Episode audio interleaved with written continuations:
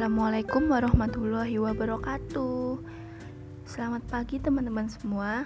Semoga di waktu ini kita tetap dilindungi dari virus corona ini ya.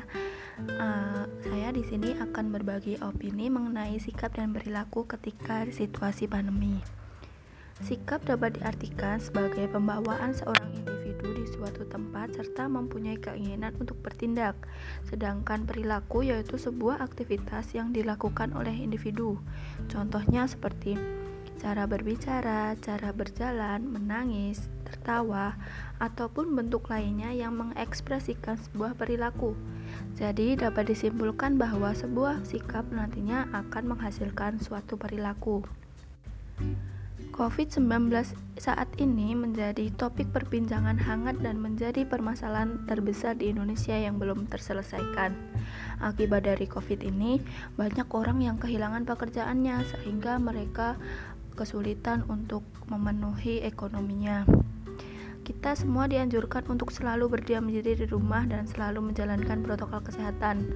Semua kegiatan kita seperti sekolah ataupun bekerja dilakukan secara online guna memutus penyebaran COVID-19.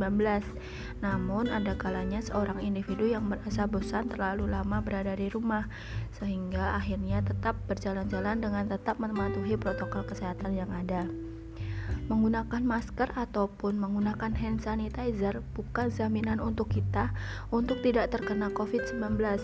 Namun hal itu bisa untuk mencegah penularan COVID-19.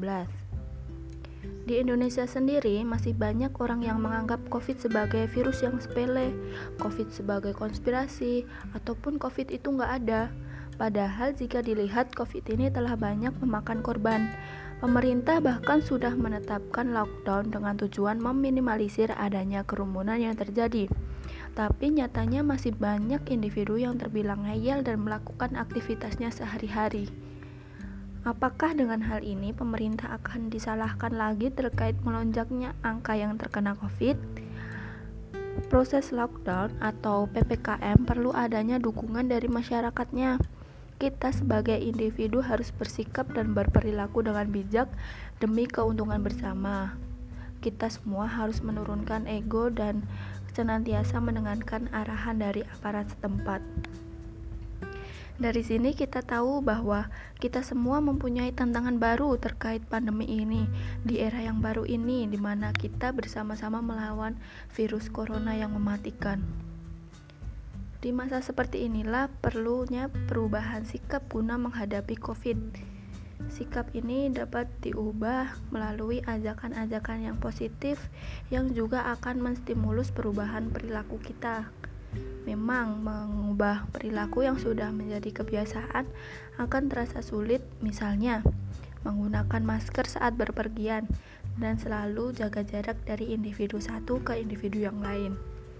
Biasanya dengan adanya paksaan ataupun hukuman seorang individu akan mencoba merubah perilakunya sedikit demi sedikit guna menghindari hukuman yang ada.